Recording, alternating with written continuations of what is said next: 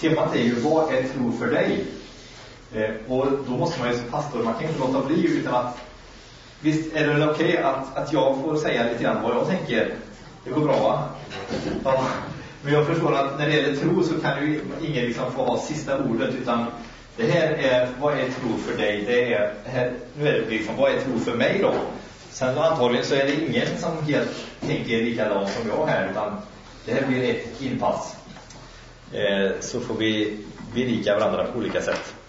Eh, här är någonting som har med tro att göra för mig. Det kanske man inte riktigt kan tro. Har ni sett, vet ni vad det här är för någonting? Det här är en kvadratspindel. Eh, och det har med detta med naturen och hur fascinerande naturen är.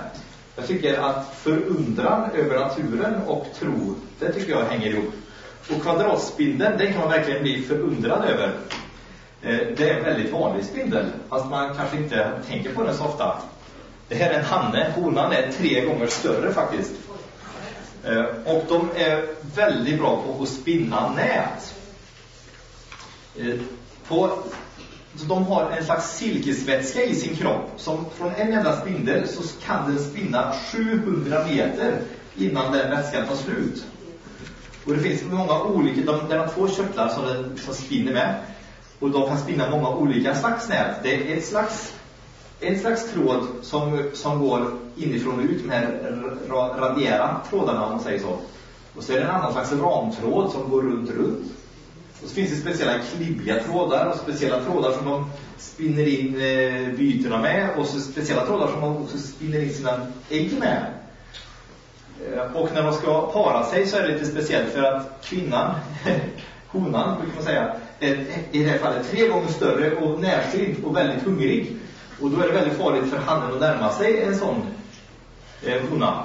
Och, fast hon vill ju att han ska komma så hon börjar med att hon tar på någon slags doftsekret på sitt nät, då vet hon att då kommer det komma en hanne snart som tycker det här luktar gott. Och då kommer en hanne, då är han livrädd för att bli uppäten. Så då sätter han sig på en speciell tråd och spelar en speciell ton på den.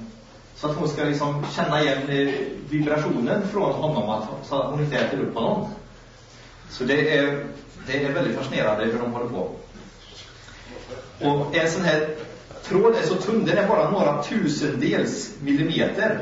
Och spindlarna, spindlarnas trådar är gjort av ett protein som faktiskt är det starkaste fibermaterialet i naturen.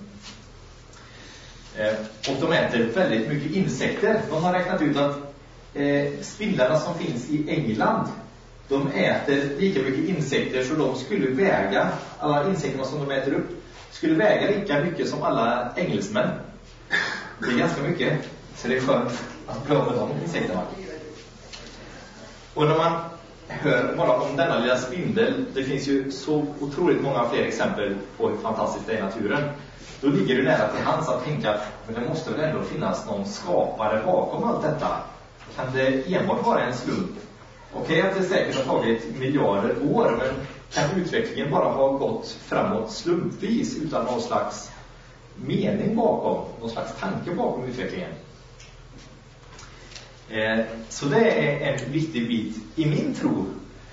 Denna eh, tro är för mig alltså någonting som har med förundran att göra.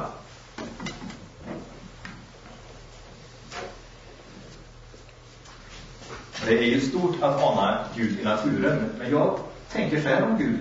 Som jag har fått uppleva så är Gud inte bara en en stor naturkraft som man kan ana i naturen, utan ett du som man kan ha en personlig relation till.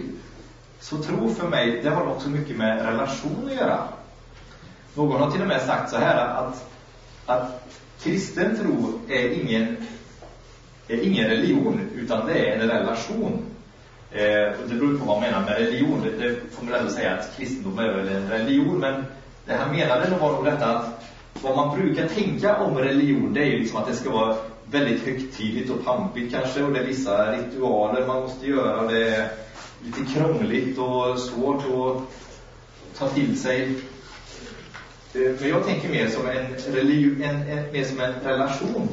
Att Gud finns med mitt i vardagen. Det måste inte vara en massa speciella omständigheter, ett speciellt vackert rum eller så vidare.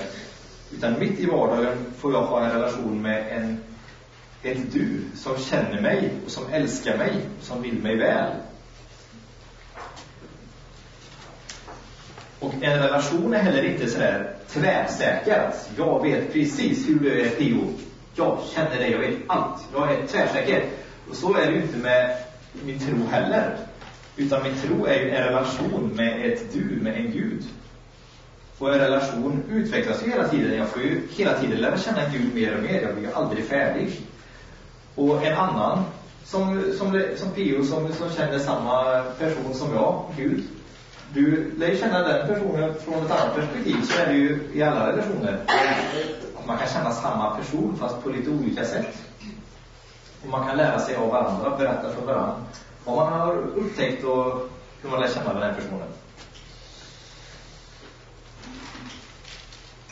Och sen är det också så att i en trygg relation så kan man ju faktiskt ha olika åsikter och man kan liksom, liksom nöta på varandra på ett positivt sätt. Jag tänker att jag och Gud, vi har liksom lite konflikter ibland. Och det går bra att ha det i en trygg relation. Ibland är jag lite irriterad på Gud och har åsikter på vad han håller på med. Och lika ofta tror jag att han har åsikter om mig, vad jag håller på med.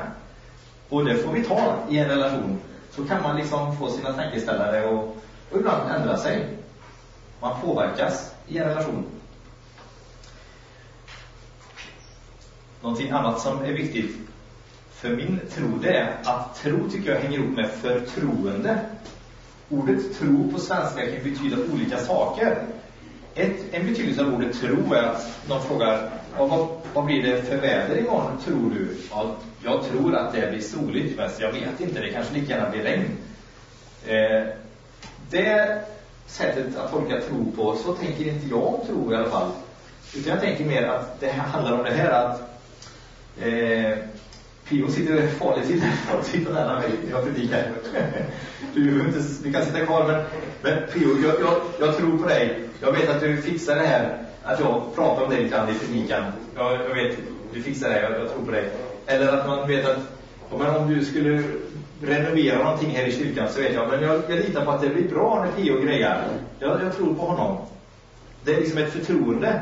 Och så tänker jag om min tro, min tro på Gud. Jag har förtroende för Gud. Och jag litar på Gud. Eh, och Gud är liksom en trygghet i livet. Inte någon slags eh, skydd, inte ett paraply som skyddar mig från olika olyckor som kan hända. För det gör det ändå. Men när det väl händer olyckor så är Gud som en trygg grund, en stabil grund som jag får stå på. När allting annat svajar runt omkring.